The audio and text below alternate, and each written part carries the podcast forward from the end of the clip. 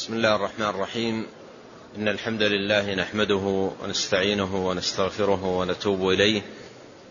ونعوذ بالله من شرور أنفسنا وسيئات أعمالنا. من يهده الله فلا مضل له ومن يضلل فلا هادي له. وأشهد أن لا إله إلا الله وحده لا شريك له. وأشهد أن محمدا عبده ورسوله.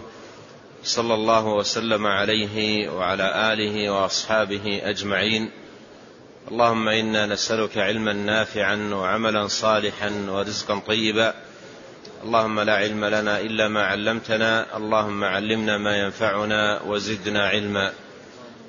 ونواصل قراءتنا في كتاب الكلم الطيب. نعم.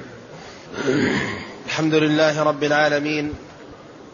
والصلاة والسلام على أشرف الأنبياء والمرسلين نبينا محمد عليه أفضل الصلاة وأتم التسليم. قال شيخ الإسلام ابن تيمية رحمه الله تعالى وغفر له وللشارح والسامعين قال في كتابه الكلم الطيب قال فصل في الولادة قال يذكر أن فاطمة رضي الله عنها لما دنا ولادها أمر رسول الله صلى الله عليه وعلى آله وسلم أم سلمة وزينب بنت جحش أن تاتيا فتقرأ عندها آية الكرسي. وإن ربكم الله الذي خلق السماوات والأرض إلى آخر الآية ويعوذاها بالمعوذتين. قال المصنف رحمه الله فصل في الولادة. هذا الفصل عقده المصنف رحمه الله ليبين جملة من الأذكار المستحبة والآداب المسنونة التي تتعلق بالمولود والمولود هبه الله عز وجل ومنته على عباده. كما قال الله تعالى لله ملك السماوات والأرض يهب لمن يشاء إناثا يخلق ما يشاء يهب لمن يشاء إناثا ويهب لمن يشاء الذكور. أو يزوجهم ذكرانا وإناثا ويجعل من يشاء عقيما. فالمولود هبة الله تبارك وتعالى. يهب لمن يشاء إناثا ويهب لمن يشاء الذكور. ويهب لمن يشاء الذكور والإناث. ومن الناس من هو عقيم لا يولد له. فالمولود هبة الله. والذي يمن الله تبارك وتعالى عليه بالمولود عليه أن يتقي الله جل وعلا في مولوده وأن يراعي فيه آداب الشريعة وأحكام الدين التي يترتب على العناية بها ومراعاتها الخير والصلاح والفلاح في الدنيا والآخرة. وقد مر معنا شيء من الآداب التي تتعلق بالمولود مثل الدعاء الذي مر معنا قريبا وهو أن من أتى أهله فقال بسم الله الذي آه، من أتى أهله فقال بسم الله اللهم جنبنا الشيطان وجنب الشيطان ما رزقتنا. من أتى بهذه الدعوة ثم كتب له مولود لم يضره شيء أو لم يضره شيطان. فهذا من الآداب العظيمة التي يحرص عليها اتقاء للشيطان وحفظا للمولود من نزغ الشيطان. وكذلك التسمية على المولود وتعويذه بما جاءت به سنة النبي عليه الصلاة والسلام واختيار الاسم المناسب له إلى غير ذلك من الآداب الكريمة والسنن العظيمة التي جاءت عن رسولنا صلوات الله وسلامه عليه. أورد أولا هذا الحديث الذي صدره المصنف بقوله يذكر إشارة إلى عدم صحته وعدم ثبوته عن النبي عليه الصلاة والسلام أن فاطمة رضي الله عنها لما دنا ولادها أي لما اقتربت ولادتها أمر رسول الله صلى الله عليه وسلم أم سلمة وزينب بنت جحش أن تأتي فتقرأ عندها آية الكرسي. وإن ربكم الله الذي خلق السماوات والأرض إلى آخر الآية. في سورة الأعراف وكذلك في سورة يونس. آيتان تبدأان بهذا. ويعوذها ويعوذاها بالمعوذتين. ويعوذاها بالمعوذتين. هذا الحديث كما نبه المصنف رحمه الله لم يثبت عن النبي عليه الصلاة والسلام لوهاء سنده. ولكن الذي دنت ولادتها. يستحب لها أن تعنى بذكر الله عز وجل. ومن ذكره تبارك وتعالى تلاوة كلامه سبحانه وتعالى. وأن تدعو الله عز وجل بالتيسير. فهذا الذي لها أن تفعله. أما هذا الذي ورد هنا فهو لم يثبت. وإن كانت المعاني التي فيه كلها صحيحة. آية الكرسي. وهذه الآيات آيات التوحيد وكذلك التعويذ بالله عز وجل من الشيطان إني أعيذها بك وذريتها من الشيطان الرجيم. هذه كلها من المعاني الصحيحة. نعم. قال وقال أبو رافع رضي الله عنه رأيت رسول الله صلى الله عليه وعلى آله وسلم أذن في أذن الحسن بن علي. حين ولدته فاطمة رضي الله عنها بالصلاة. قال الترمذي حديث حسن صحيح. وهذا أيضا من السنن العظيمة التي تتعلق بالمولود وهو أن يؤذن في أذنه عند ولادته. مثل ما قال أبو رافع رضي الله عنه رأيت رسول الله صلى الله عليه وسلم أذن في أذن الحسن بن علي حين ولادته. أو حين ولدته فاطمة رضي الله عنها بالصلاة أي أذن بالصلاة. أي أذن بالأذان المعروف الذي ينادى به للصلاة. وأذن في أذنه. والحكمة في ذلك كما نبه أهل العلم هو أن يكون أول ما يقرع سمع المولود هذه الألفاظ العظيمة التي جعلت نداء للصلاة. وهي مشتملة على تكبير الله وعلى توحيده وتعظيمه جل وعلا والدعوة إلى لزوم عبادته والمحافظة عليها وبيان ما يترتب عليها من الآثار والثمار والفلاح في الدنيا والآخرة فهي كلمات عظيمة. فيستحب أن يكون أول ما يقرع سمع المولود هو هذه الكلمات العظيمة. فهذه حكمة. وأيضا من الحكم أن الأذان كما سبق أن مر معنا يطرد الشيطان. والشيطان يحضر المولود حين ولادته. فيحتاج أهله إلى العناية بذكر الله عز وجل وتعويذه من الشيطان ليحفظ ويوقى بإذن الله تبارك وتعالى من الشيطان الرجيم. ولهذا فإن هذه سنة عظيمة يستحب أن يبدأ بها وأن يحرص عليها بحيث يكون أول ما يقرع سمع المولود هو هذه الألفاظ العظيمة الله أكبر الله أكبر الله أكبر الله أكبر لا إله إلا الله إلى آخر ألفاظ الأذان وما فيها من التكبير لله والتعظيم له جل وعلا وإعلان توحيده والدعوة إلى الخضوع له وعبادته وما يترتب على عبادته من الفلاح والسعادة في الدنيا والآخرة. قالت قال رأيت رسول الله صلى الله عليه وسلم أذن في أذن الحسن. أذن في أذن الحسن. وهذا فيه أن أنه يقترب من الأذن ويؤذن فيها. والأذان الذي يكون في في أذن الطفل عندما يقرب من إذن من أذنه يكون رفيقا. لا يكون صوتا عاليا. آه، مثل ما يؤذن الإنسان للنداء للصلاة ليسمع المصلين أو يسمع المسلمين في الأنحاء.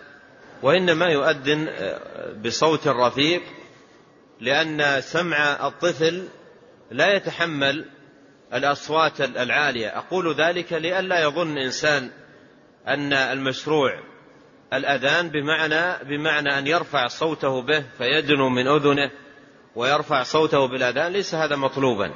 وإنما المطلوب الأذان أن يؤذن في أذنه بمعنى أنه يقترب من الأذن ويؤذن بصوت رفيق بحيث يكون أول يكون أول شيء يسمعه هذا المولود ألفاظ الأذان. قال أذن في أذن الحسن بن علي حين ولدته. وهذا أيضا فيه أن الأذان في أذن المولود حين الولادة. يعني أقرب وقت يتمكن منه الإنسان من ولادة الطفل. يحرص عليه في أقرب وقت. نعم. قال ويذكر عن عن الحسين بن علي رضي الله عنهما قال قال رسول الله صلى الله عليه وعلى آله وسلم من ولد له مولود فأذن في أذنه اليمنى وأقام في أذنه اليسرى لم تضره أم الصبيان. ثم أورد هذا الحديث مصدرا له بيذكر وهي إشارة إلى ضعف الحديث وعدم ثبوته وهو حديث لم يثبت. عن الحسين بن علي رضي الله عنهما قال قال رسول الله صلى الله عليه وسلم من ولد له مولود فأذن في أذنه اليمنى وأقام في أذنه اليسرى لم تضره أم أم لم تضره أم الصبيان. أم الصبيان كناية مثل ما كني عن الخمر بأم الخبائث. وأم الصبيان لكونها في الغالب تصيبهم. الصبيان هم الصغار وقيل هي الريح التي تغشى الصغار فيترتب عليها الإغماء والغشي.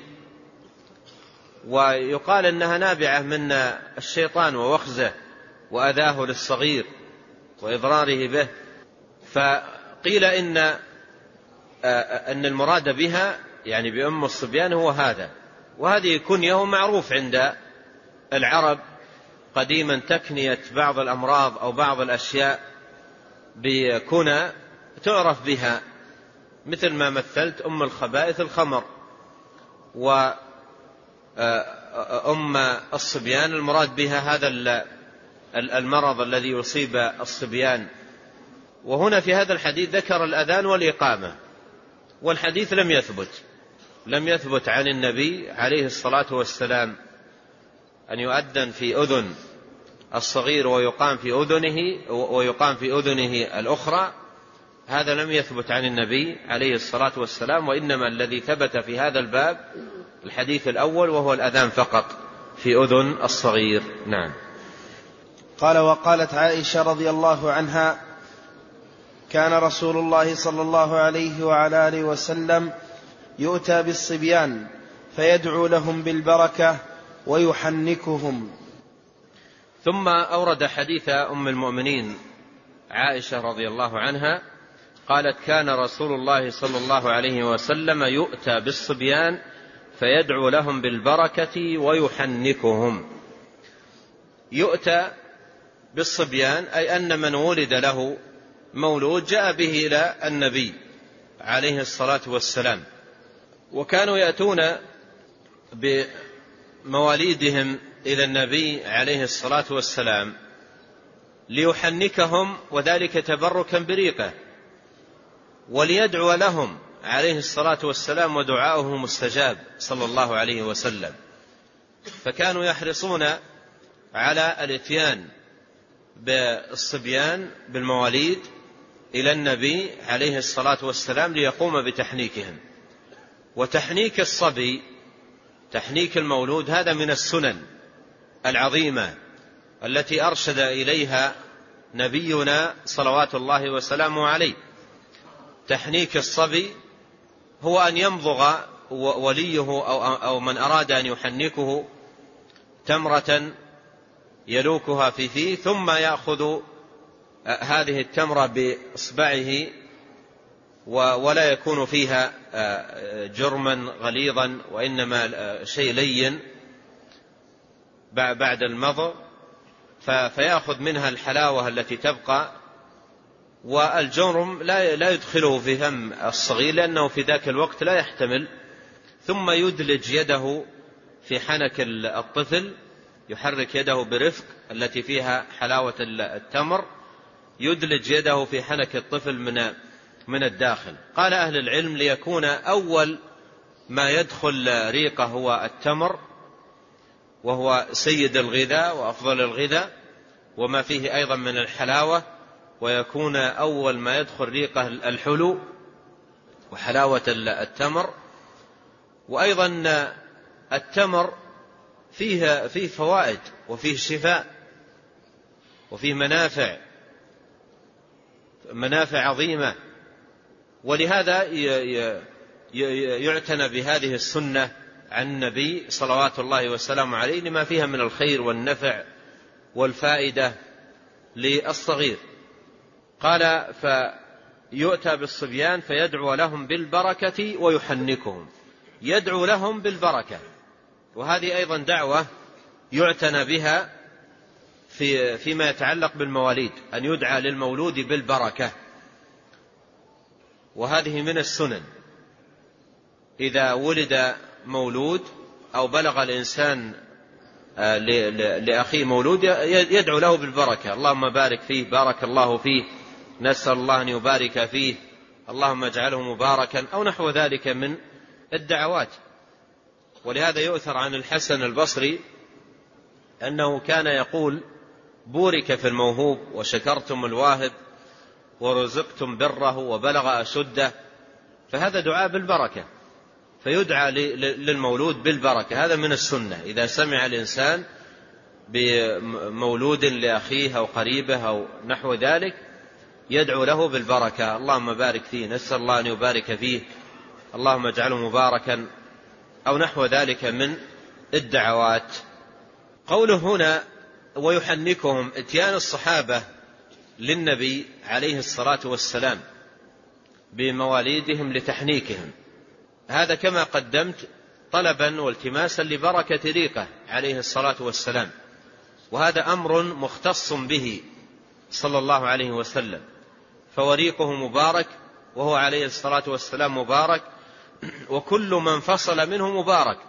ولهذا كان الصحابة رضي الله عنهم يتبركون بريق النبي عليه الصلاة والسلام ويتبركون بشعره ويتبركون أيضا بعرقه وما ينفصل عنه فهو عليه الصلاة والسلام ذاته مباركة جعل الله عز وجل فيها بركة وهذا أمر مختص به ويجب أن يعلم ذلك. أمر مختص بالنبي عليه الصلاة والسلام. ولا يقاس عليه غيره لأن هذا أمر خصه الله تبارك وتعالى به. صلوات الله وسلامه عليه. ولهذا كان الصحابة كما مر يأتون بمواليدهم التماسا وطلبا لبركة ريق النبي عليه الصلاة والسلام. ولهذا يبقى حكم التحنيك. أما أن يؤخذ المولود إلى بعض الأشخاص الذين يظن فيهم الصلاح من أجل تحنيكه فهذا ليس من السنة. ولا يدل عليه الحديث لأن بركة الريق هذه خاصة بنبينا عليه الصلاة والسلام. ولهذا تبقى سنة التحنيك من ولد له مولود يحنكه والده يحنكه قريبه تحنكه أمه. يوضع التمر في تمرة في الفم وتنضغ ثم يؤخذ حلاوتها بالأصبع ويحنك به فم الطفل وتدلج اليد في حنكه برفق. يفعل ذلك والده أو والدته. أما أن يذهب به إلى إلى رجل يظن أنه من الصالحين من أجل البركة فهذا لا دليل عليه لأن هذا الذي جاء في هذا الحديث أمر مختص بنبينا عليه الصلاة والسلام.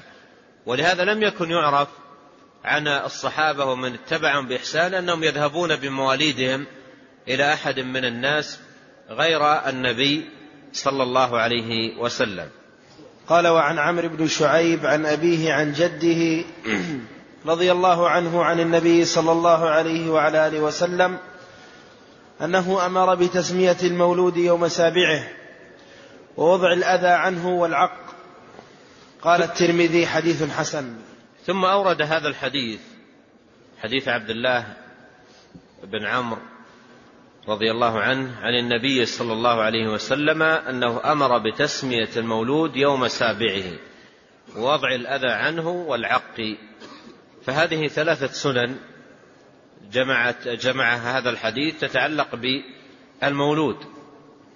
السنة الأولى تسمية المولود يوم سابعه. تسمية المولود وسيأتي أيضا أن يتخير للمولود أطيب الأسماء وأحسن الأسماء وسيأتي عند المصنف حديث مفصل بعض الشيء عن تسمية المولود. قال أمر بتسمية المولود يوم سابعه. تسمية المولود يوم سابعه. قيل حتى يبقى مدة وفترة من الوقت لتخير الاسم المولود. الاسم المناسب للمولود. أمر بتسمية المولود يوم سابعه. وليس هذا بلازم ان تكون التسمية في السابع.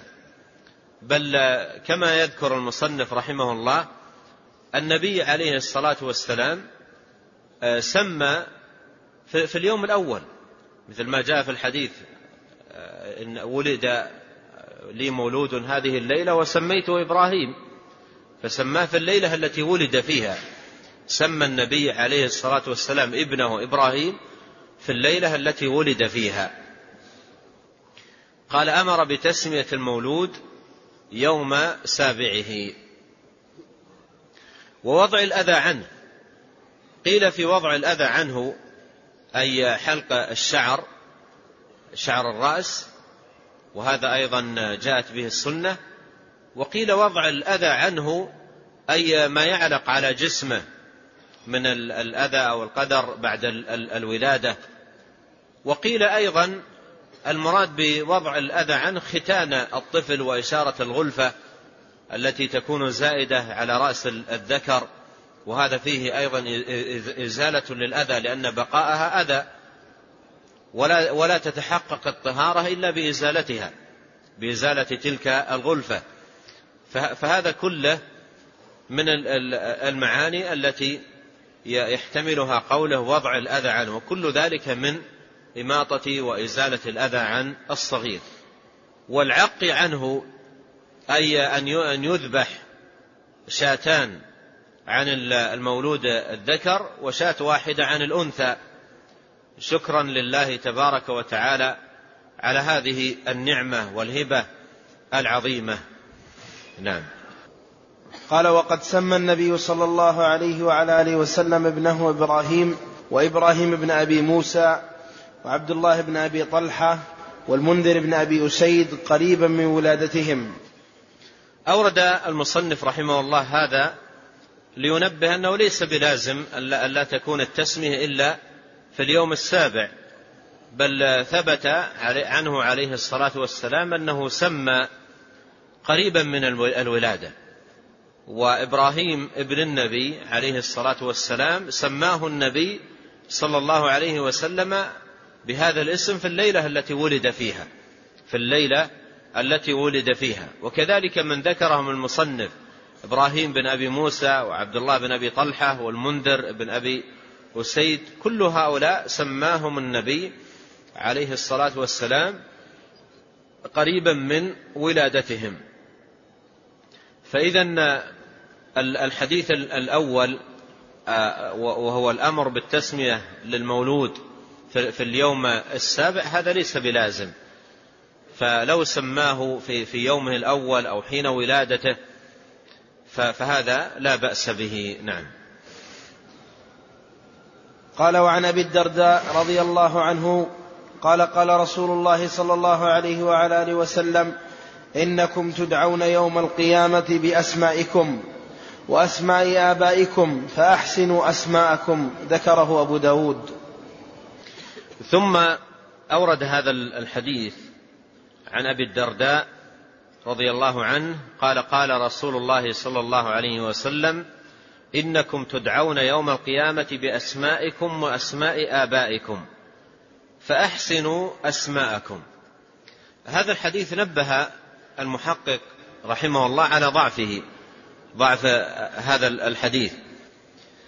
والمعنى صحيح وهو تخير الأسماء الحسنة الأسماء الطيبة هذا مما ندبت إليه الشريعة ودعت إليه السنة. والأحاديث الآتية كلها في تخير أحب الأسماء وأحسن الأسماء. مثل الحديث القادم أحب الأسماء إلى الله عبد الله وعبد الرحمن. والأحاديث التي بعده فهذه كلها فيها تخير الاسم المناسب. قال فأحسنوا أسماءكم. أي أحسنوا اختيار الأسماء.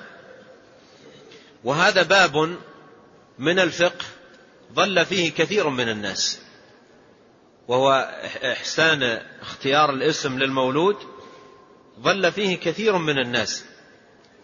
لا تحدث عن الكفار وإنما تحدث عن المنتسبين للإسلام. الآن ثقافات الناس في اختيار الأسماء ثقافات عجيبة جدا. وأصبح كل يسمي مولوده بالأشياء التي ملأت حياته. يسمي مولوده بالأشياء التي ملأت حياته.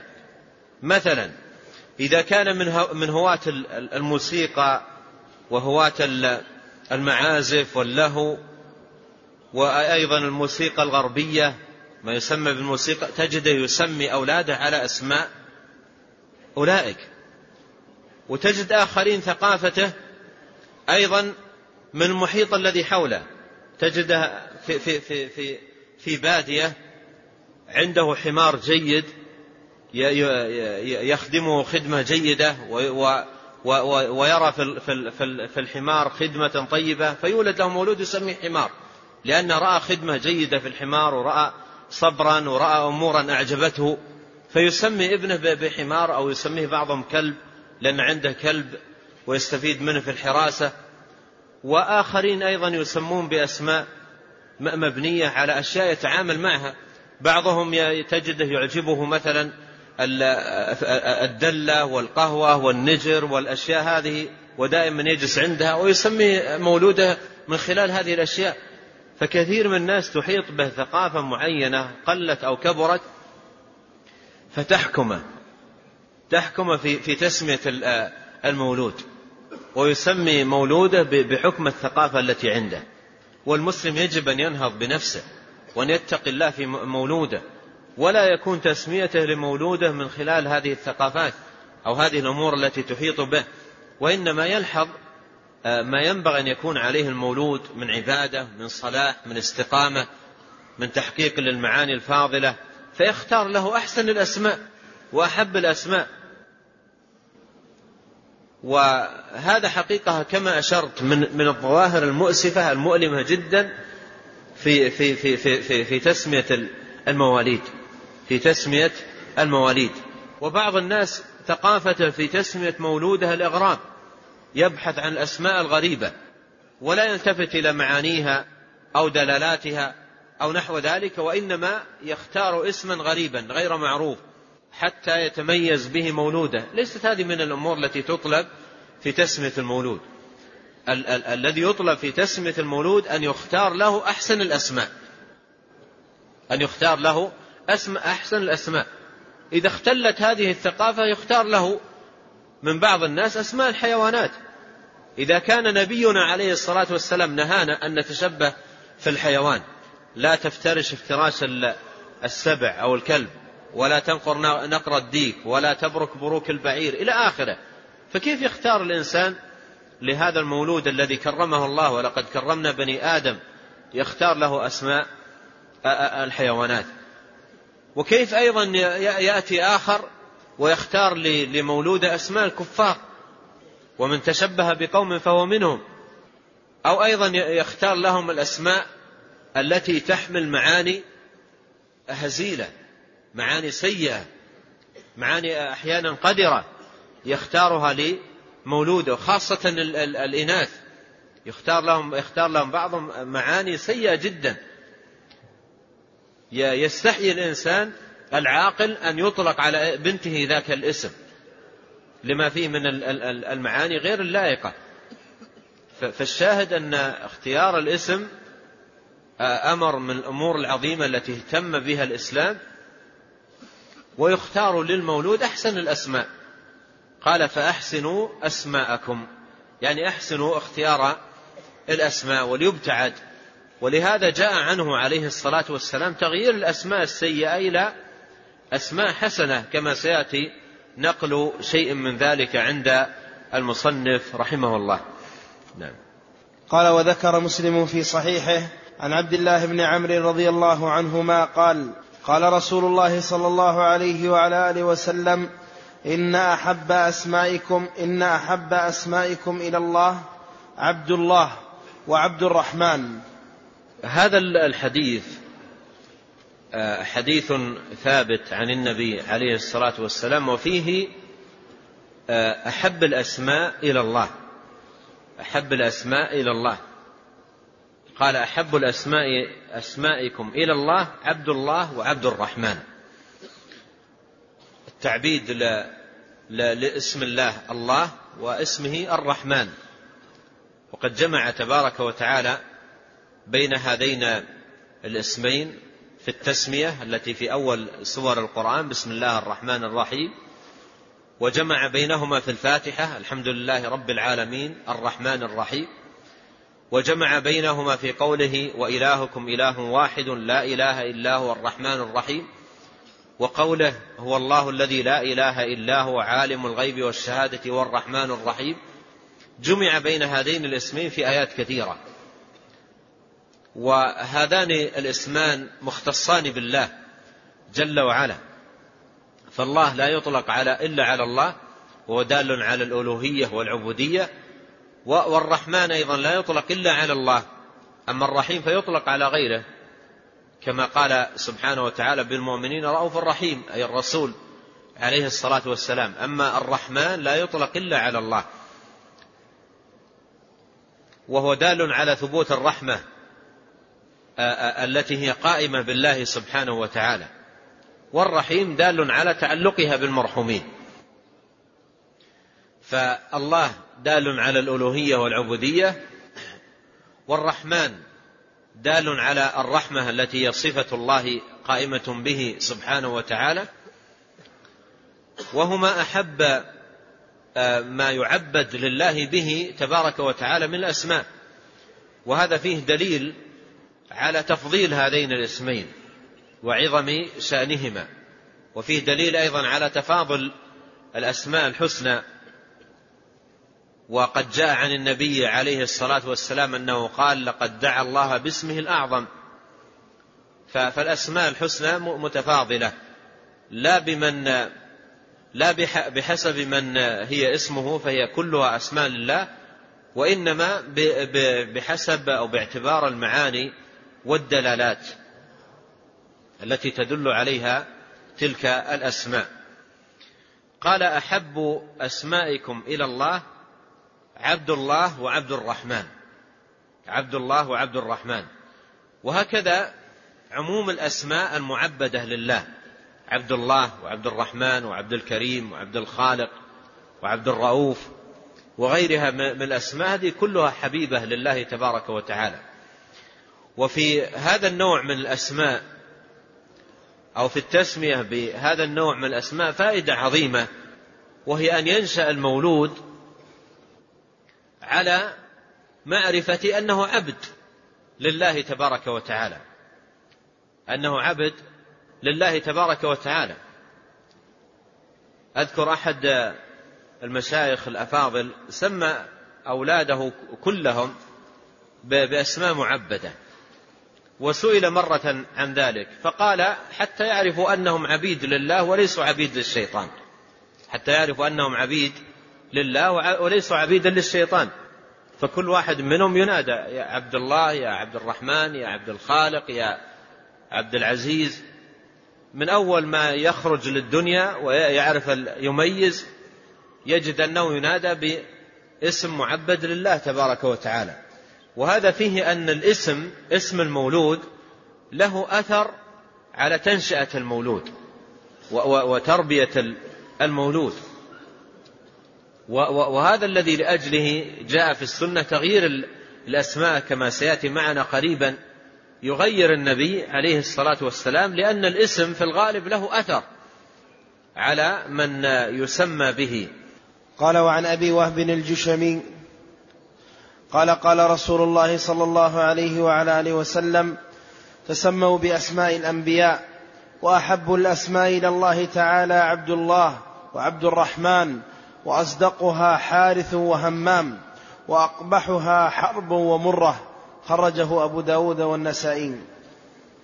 ثم أورد رحمه الله هذا الحديث حديث أبي وهب الجشمي رضي الله عنه قال قال رسول الله صلى الله عليه وسلم تسموا بأسماء الأنبياء وأحب الأسماء إلى الله تعالى عبد الله وعبد الرحمن وأصدقها حارث وهمام وأقبحها حرب ومرة.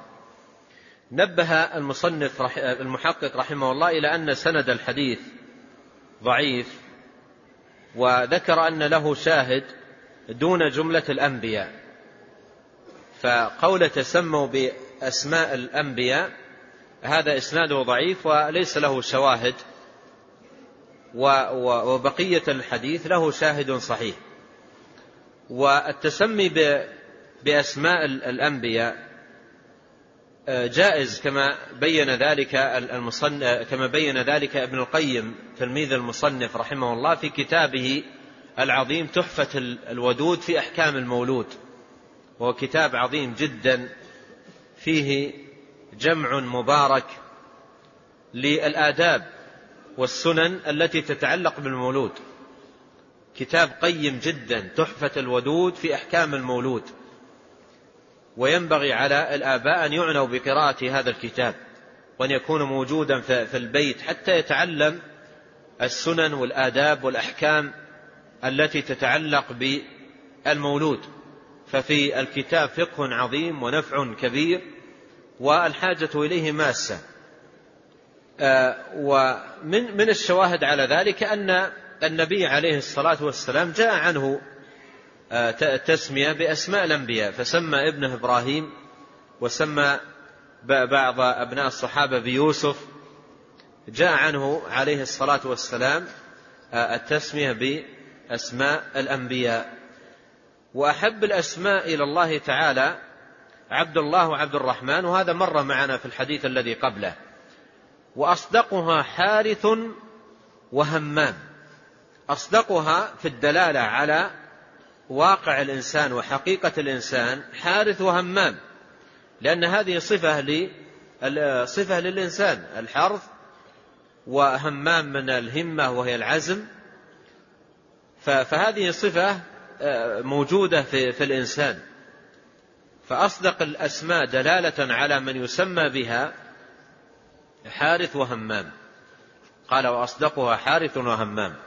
وأقبحها حرب ومرة. حرب من آه، الحرب وهو القتال والعدوان ومرة من المرارة. والحرب ليست أمرا مطلوبا والمرارة أيضا ليست أمرا مطلوبا. قال وأقبحها حرب ومرة. وقد كان من من شأن الجاهلية تسمية أولادهم بالأسماء الشديدة وتسمية مماليك بالأسماء الجميلة.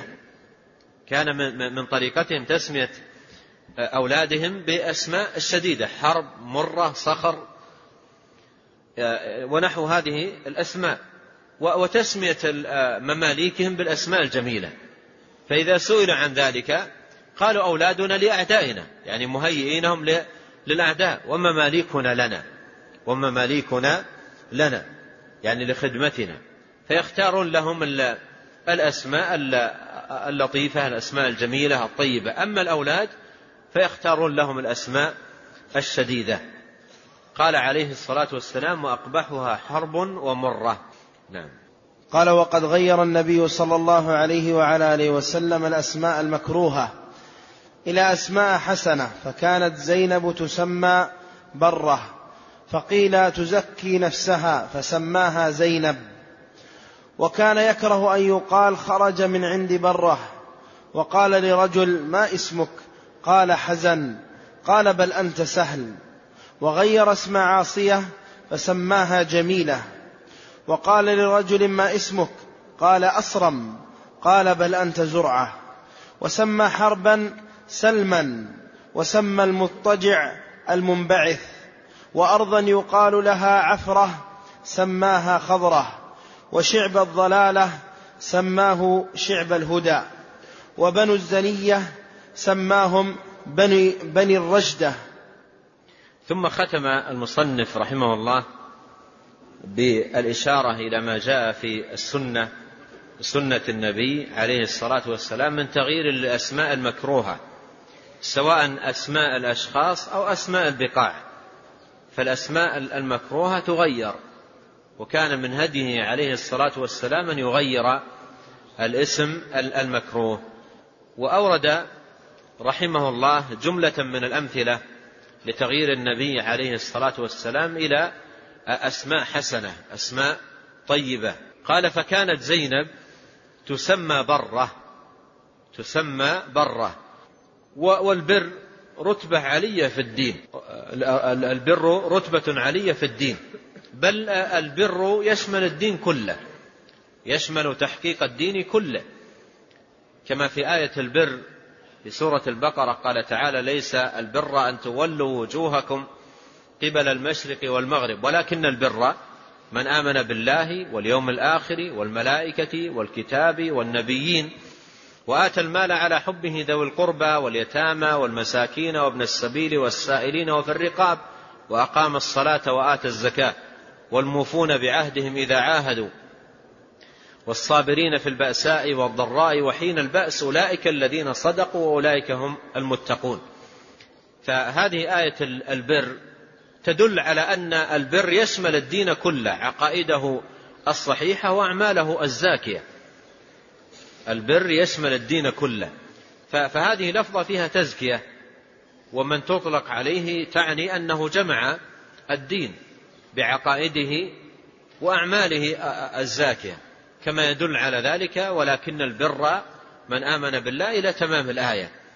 من آمن بالله واليوم الآخر والملائكة والكتاب والنبيين هذه العقائد عقائد الدين الصحيحة التي محلها القلب وقوله آتى المال على حبه إلى تمام الآية هذه أعمال الدين وطاعاته.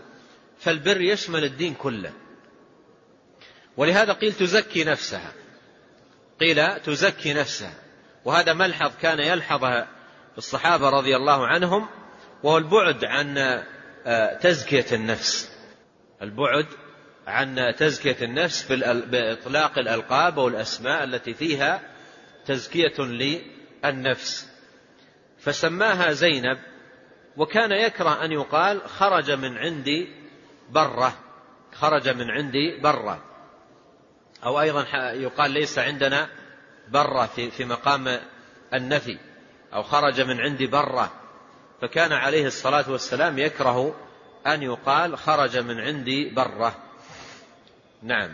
وقال لرجل ما اسمك؟ قال حزن. قال بل أنت سهل. وهذا التغيير إلى سهل يرويه سعيد بن المسيب ابن حزن. حزن جده. فيقول سعيد بن المسيب أن النبي عليه الصلاة والسلام سأل جدي عن اسمه فقال حزن. فقال بل أنت سهل. قال لا أغير اسما سماه بي آبائي فيقول سعيد بن المسيب لم ولا ولهذا لا تزال الحزونة فينا. يقول لا تزال الحزونة فينا.